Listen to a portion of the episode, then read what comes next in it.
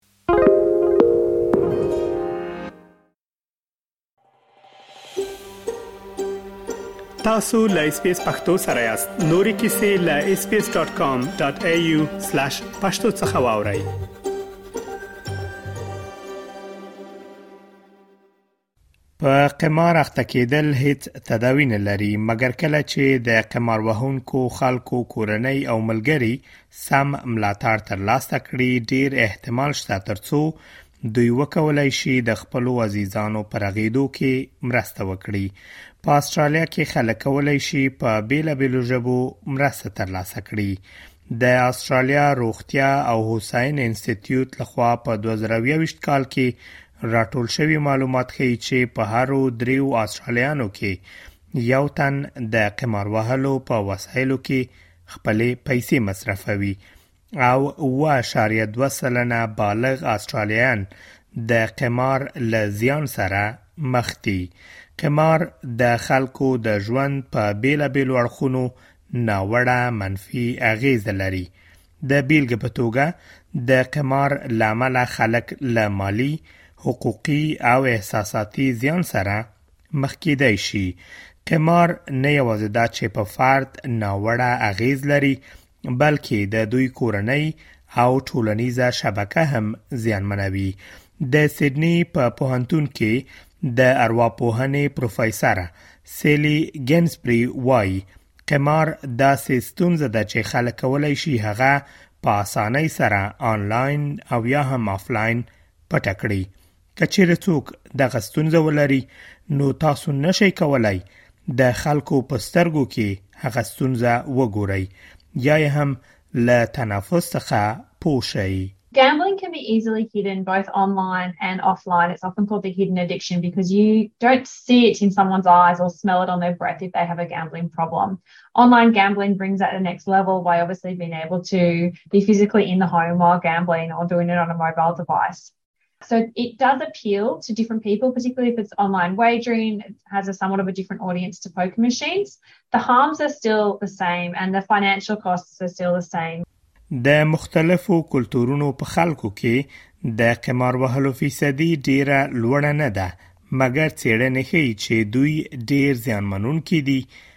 او د قمار پر مهال ډېرې ستونزې تجربه کوي نتالی رایټ په نیو ساوت ویلز ایالت کې د ریسپانسیبل ګامبلینګ ادارې مشره ده هغه وایي د مختلفو کلتورونو په خلکو کې شرم او بدنامي د مرستې غوښتلو پر وړاندې لوی خنډونه دي هغه زیاتوي د قمار وهلو پر مهال چې خلک کومې ستونزې تجربه کوي هغه یوازې انفرادي نه دي بلکې کورنیو ته منعکس کیږي او ډیری وخت داسې انګیرل کیږي چې خلک غواړي خبرې د کورنۍ دننه وساتي So, quite often, shame and stigma are really big barriers to uh, help seeking in people from culturally and linguistically diverse communities. And often, that collectivist sort of culture means that the problem that they may be experiencing with gambling is not only individual, it reflects on the families. And the other issue is around counselling in many communities, are really foreign Western concepts. آدم د سیدنی ښار اوسیدونکی دی او اصلي ژبه یې عربي ده. هغه له 2014 کال را په دې خوا هڅه کوي ترڅو د قمار له ستونزې څخه ځان خلاص کړي. هغه وایي د منځني ختیځ فرهنګ په پام کې نیولو سره مشوره او مرسته غوښتل د خوښې وړ عمل نه ده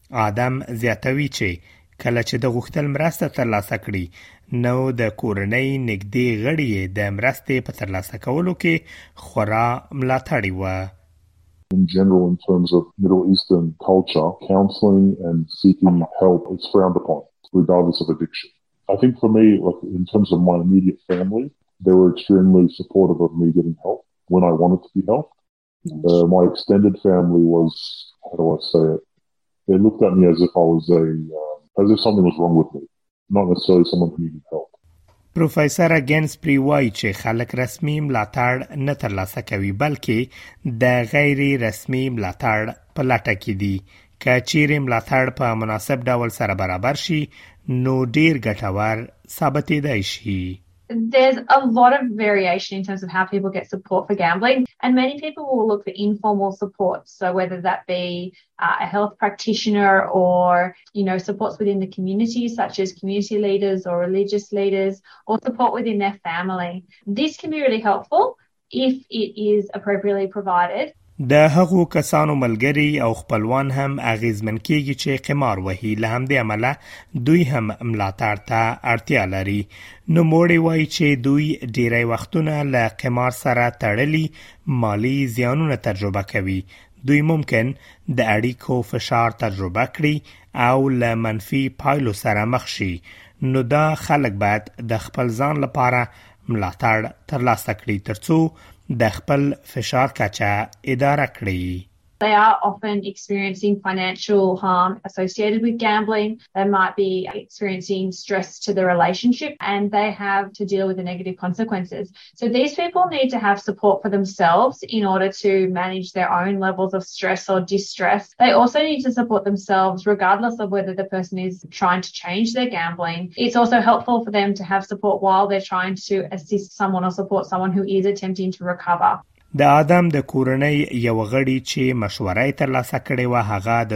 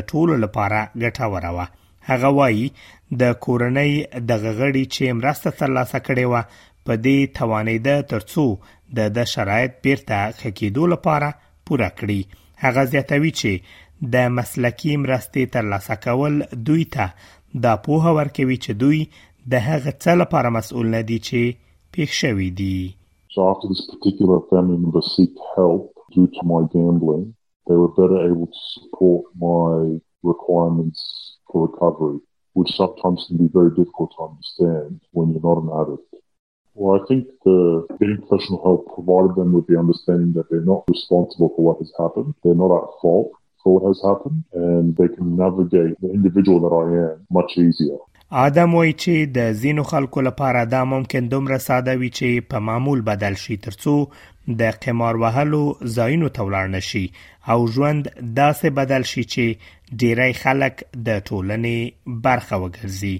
هغه زیاتوي داسې خلک یې لیدلي چې په اونۍ کې یو ځل مشورې ته په تک سره د وظیفې له تغییر سره یا د ژوند د پروګرام له بدلون یا ورزش له زیاتوالي سره په دې توانیدلی چې تغییر راولي For some people, it might be as simple as getting into a routine of not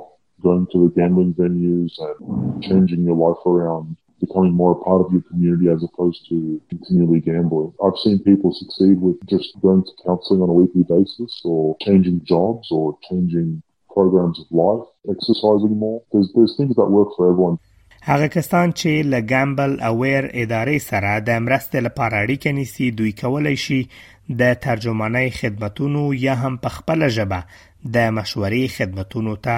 لاسرسی ولري نتالی رایټ وایي چې د دوی اداره په حقیقت کې له 50 څخه په زیاتو ژبو خلکو ته مشورې ورکوي او په نیو ساوت ویلز ایالت کې هر څوک کولای شي دغو خدمتونو ته لاسرسی ولري کورنۍ د هغو کسانو د ملاتړ په برخه کې مهمه رول لوبوي چې د قمار په برخه کې له ستونزې سره مخ اوسي د مختلفو کلتورونو په ټولنو کې د کورنۍ رول لا پامه غورځول کېدای نشي So we actually provide counselling in upwards of 50 languages. So that is available for anyone in New South Wales. Family plays a really big part in supporting the person that is struggling with gambling and our services also support their loved ones. You know,